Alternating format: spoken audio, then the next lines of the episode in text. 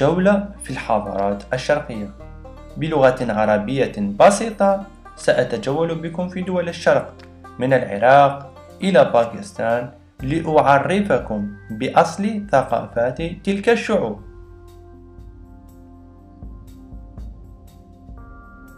السلام عليكم ورحمة الله تعالى وبركاته أعزائي المستمعين لبودكاست جولة في الحضارات الشرقية. اليوم السابع والعشرون من شوال 1441 هجري الموافق ل 19 جوان 2020 اليوم حصة استثنائية على غير معتاد لأن بودكاست في الحضارة الشرقية تكون شهريا. لكن هذه الحصة استثنائية بسبب مشاركتي في مسابقة بودكاست المغاربي نبقى في موضوع الحضارات الشرقية واليوم سنتحدث عن كيف أن الشعوب الشرق الأدنى استطاعت أن تتلاحم فيما بينها وتتواصل وتمتزج؟ ما هي الآليات التي أدت إلى هذا الامتزاج؟ وهل الامتزاج حقيقي أو عبارة عن شيء وهمي؟ إن أول ما ظهرت في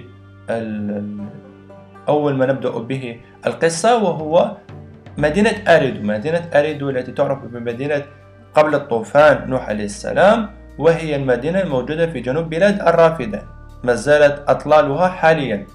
هذه المدينة ازدهرت وأصبحت قوة حتى أنها انحرفت عن المسار وكفرت بأنعم الله فقام نوح عليه السلام ببناء السفينة ووضع فيها من كل زوجين وسارت هذه السفينة إلى أن طغى الماء على الأرض على اليابسة بنزول ماء من جبال الأرارات في أرمينيا بعد ذوبان جليد أخ الجليديات و آه، وطغيان آه، مياه نهر الدجلة. هذا ما أدى إلى أنه اصطدم الماء بالماء وحدث الانفجار وغمرت المياه الأرض الأرض معناها منطقة هلال الخصب خاصة منطقة هلال الخصب بينما أن الأبحاث تقول بوجود أيضا مناطق غمرت كثيرا بينها بينها منطقة الهند وأمريكا وغير ذلك.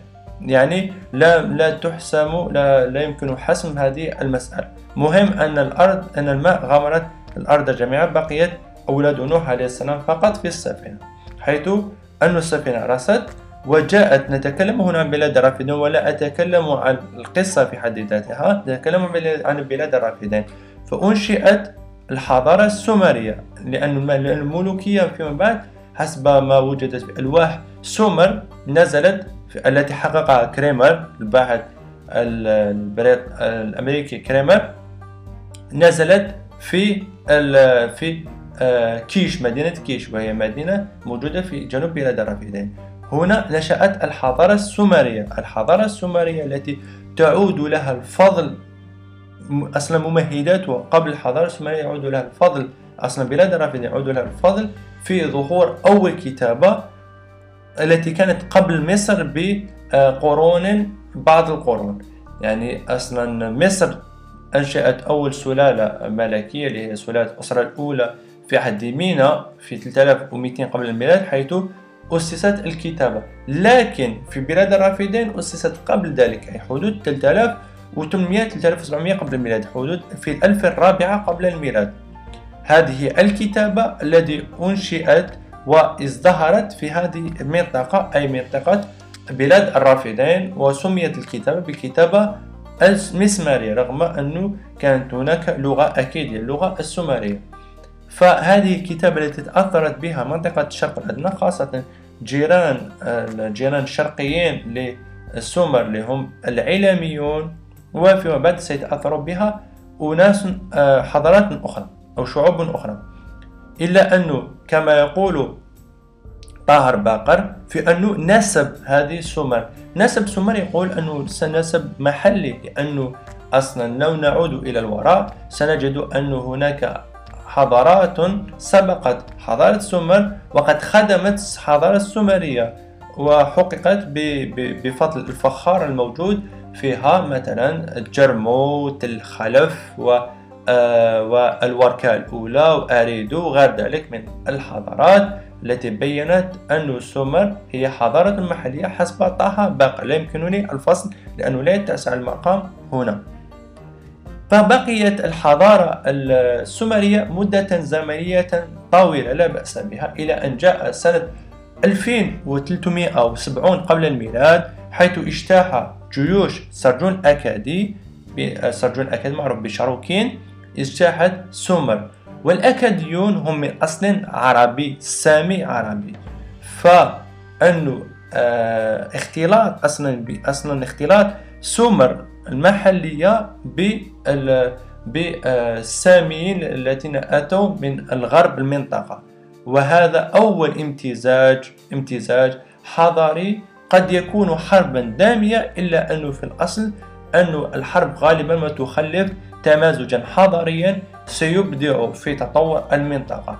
وستتطور النظام السياسي فبعدما كان نظاما الدولة المدينة في سومر أصبح تغير النظام السياسي في المنطقة.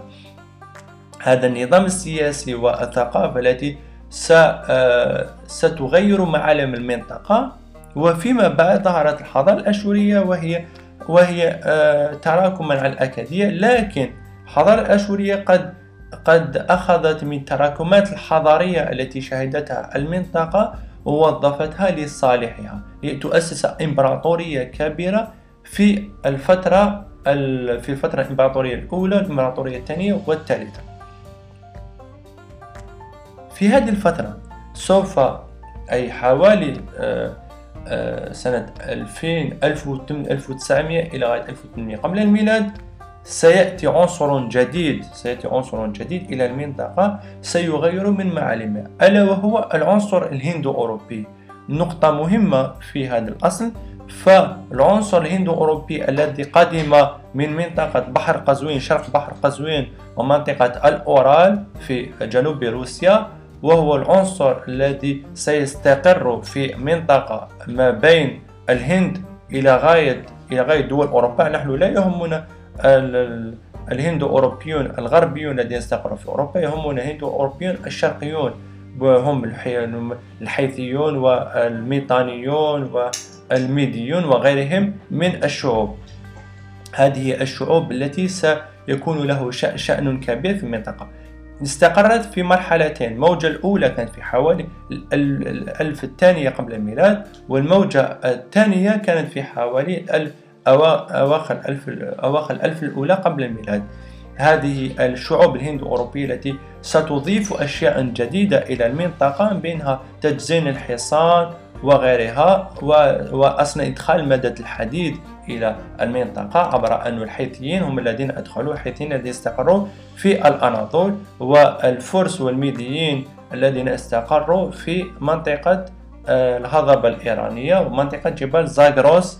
ويرجح بأن الميديين هم من أصل هم حاليا الأكراد شعوب الكرد. الذين امتزجوا مع الفرس وأنشأوا حضارة عظيمة تعرف بالحضارة الأخمينية. هذه المركبات ككل مركبات الحضارية كل الكل ستشكل لنا حضارة عظيمة ستغير معالم الشرق الأدنى. هذه آه، الشرق الأدنى لم ينشأ من عنصر واحد وإنما تشكل من عدة عناصر. هذه العناصر المتعددة ستشكل ستطور لنا الشرق الأدنى خاصة في معالمه الحضارية المعالم السياسية والاقتصادية وغير ذلك وتزدهر التجارة.